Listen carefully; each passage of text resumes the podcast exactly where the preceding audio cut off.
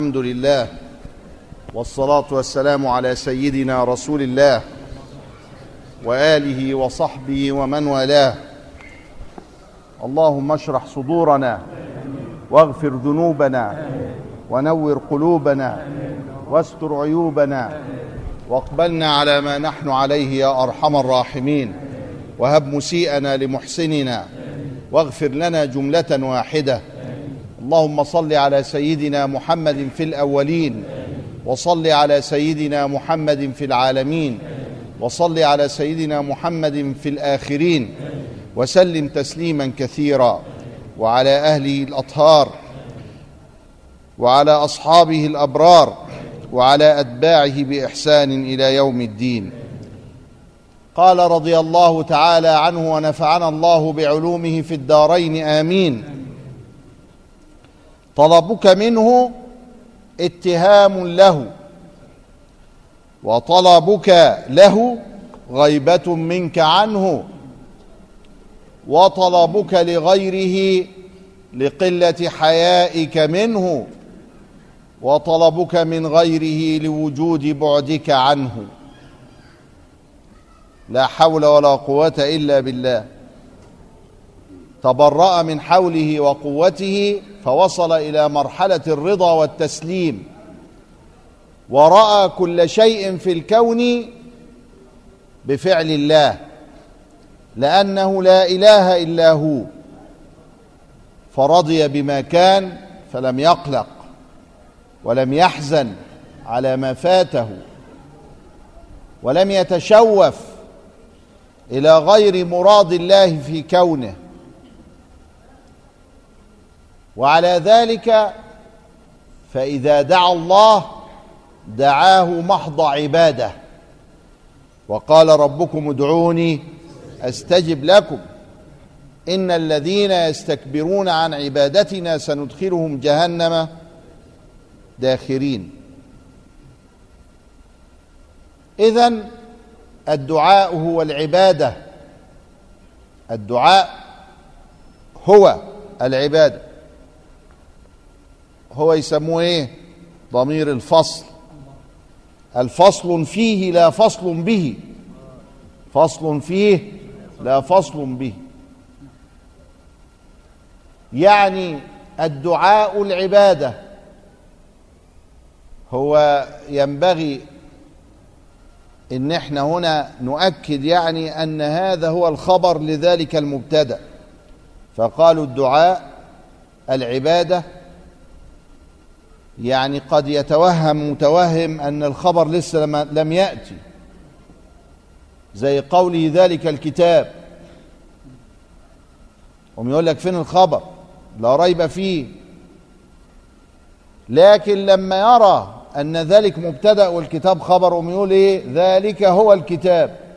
هم يجيب هو علشان يبين لك إن المعرفة التالية لذلك المبتدأ إنما هي خبر. وليست وليست صفة له. فجاء بضمير الفصل. وضمير الفصل بيعمل حاجة تانية. الحصر والقصر. يقول لك الدعاء هو العبادة. فإذا ما دعوت ربك دعوته متعبدا وليس متشوفا. اللي طالب الدنيا ولا اللي طالب الآخرة؟ طلبه للدنيا وطلبك للآخرة حجاب. إذا ما رفع شعرت بحلاوة الإيمان وبحب رسول الله صلى الله عليه وسلم في قلبك طلبك منه اتهام له إذا لم يكن على صفة العبادة. شوف في فرق. يا رب أنا عايز دي. وفي فرق أنك تقول يا الله أريد هذا ولا أقولها بلساني إلا عبادة لك. يعني ما فيش تشوف في نفسك للمطلوب. بل انتهى تشوفك ولم يبق فيك إلا الرضا بما أراده الله. فربنا أخر عليك المطلوب. قوم تسعد وتبقى فرحان. الحمد لله أنا أديت اللي عليا.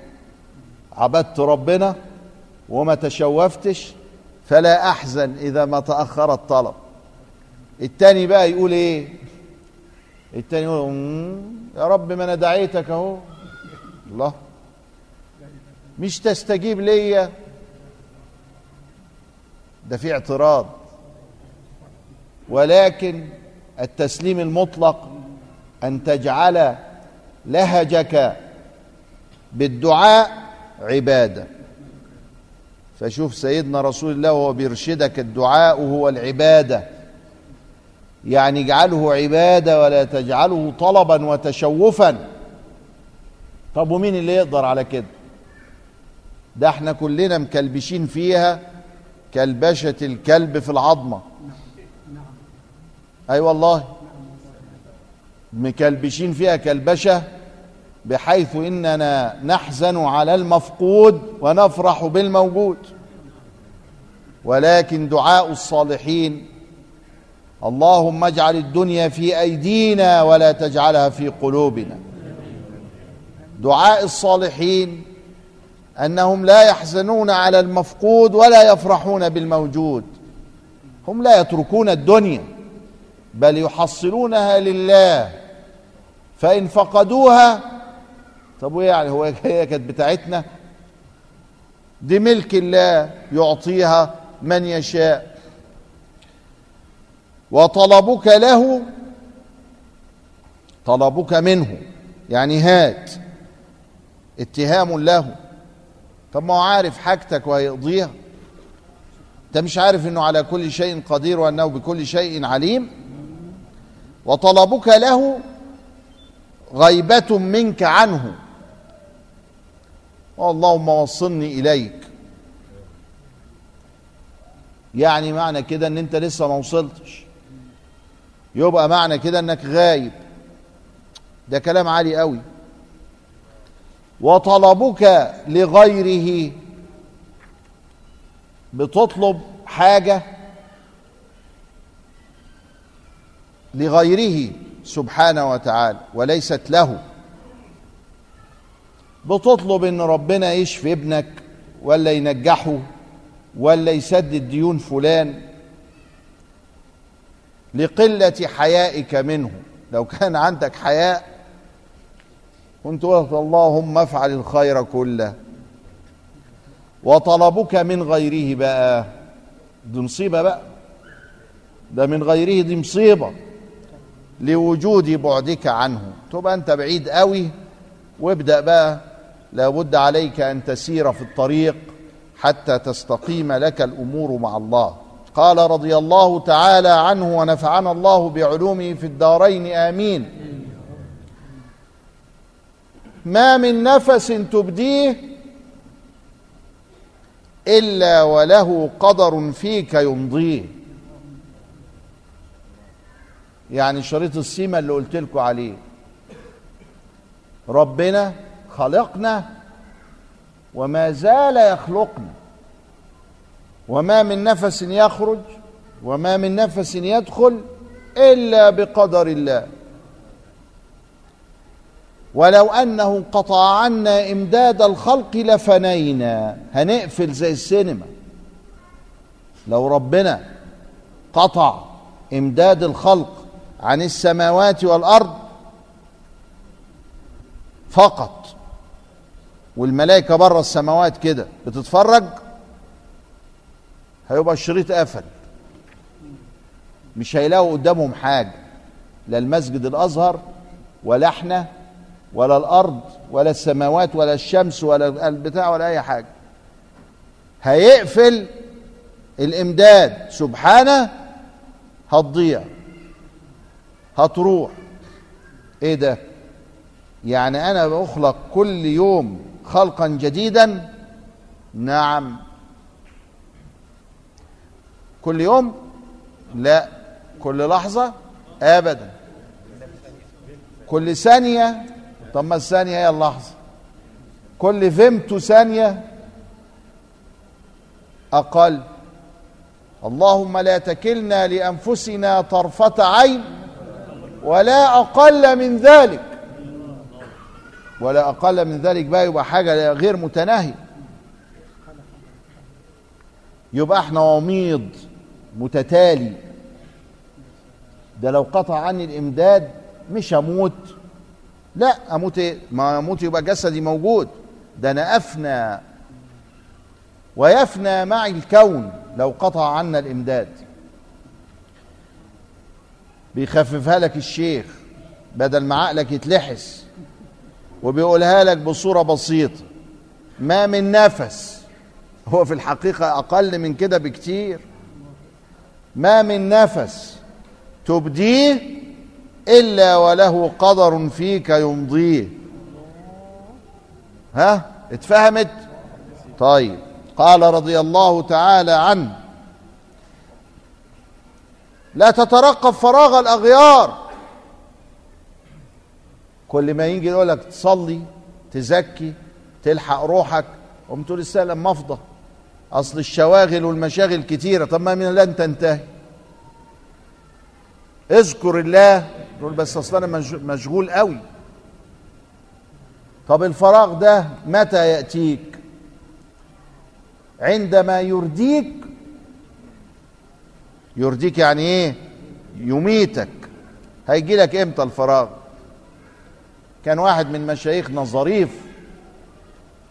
رحمه الله يقول ده إحنا قد انشغلنا انشغالا يمكن أن نقول لعزرائيل عندما يأتينا شرعا والله إحنا مش فاضيين. من شدة الانشغال يبقى فيش فراغ. يبقى أنت منتظر الفراغ إزاي؟ إذا كان الأمر كذلك أنت مش فاضي. ما ينفعش يا أخوان لابد أن نبادر إلى الله ونفر إليه. لا تترقب فراغ الأغيار. إيه الأغيار دي؟ جمع غير. مين الغير ده؟ غير الله. ها؟ إيه اللي غير الله؟ الكون كله. سموه السوى والغير. فإن ذلك يقطعك عن وجود المراقبة له. يخليك منشغل بالدنيا وما أنتش متذكر ربك أبدا.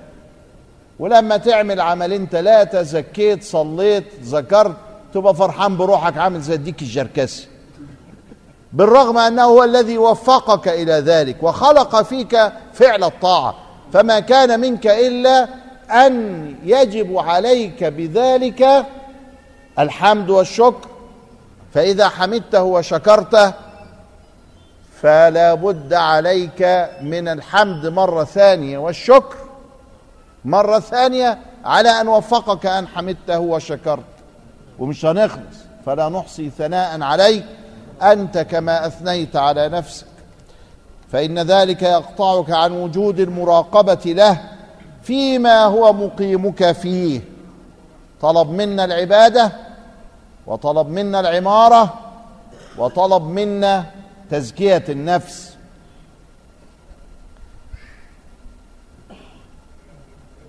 وسئل بعض العارفين متى يستريح الفقير. فقير إلى الله. شأنه شأن محتاج إلى الله دائما فهو مع الله دائما لا ينساه. الفقير إلى الله دائما في السير. إلى الله. تلاقي الفقير لو أن الغني بتاع الدنيا فقير الدنيا وغني الدنيا بيعطيه شيء كده كل يوم قوم تلاقيه لازق له كل يوم. واخد بالك؟ بيشحت. ده بيشحت من ربنا. ده واقف على باب الله. ولما بيشحت من ربنا ولقى النعمة مش راضي يمشي. واقف على طول. سئل بعض العارفين متى يستريح الفقير من الوقفة دي. فقال إذا لم ير وقتا غير الوقت الذي هو فيه. يستريح إمتى؟ لما يتلذذ بفعل الله فيه. يبقى مرتاح ومبسوط ولو قلت له امشي يقول لك لا أمشي إزاي؟ ها؟ أروح فين؟ قال رضي الله تعالى عنه ونفعنا الله بعلومه في الدارين آمين. لا تستغرب وقوع الاكدار ما دمت في هذه الدار. هذه الدار دار تكليف وابتلاء وامتحان. حتى قال اللهم اخرجنا من دار البلا بلا بلا. دار ال... اللهم اخرجنا من دار البلا بلا بلا. بلا بلا بلا. طيب فدي دار البلا أصل. فلما يجي الأقدار من ضيق من أزمة من مرض من سقوط في امتحان لا قدر الله يعني أنجح الله الطلاب. ما تزعلش ما ده شأن هذه الدار. كبوة فربوة فحبوة فنبوة فإنها ما أبرزت إلا ما هو مستحق. شأنها كده. كدر كلها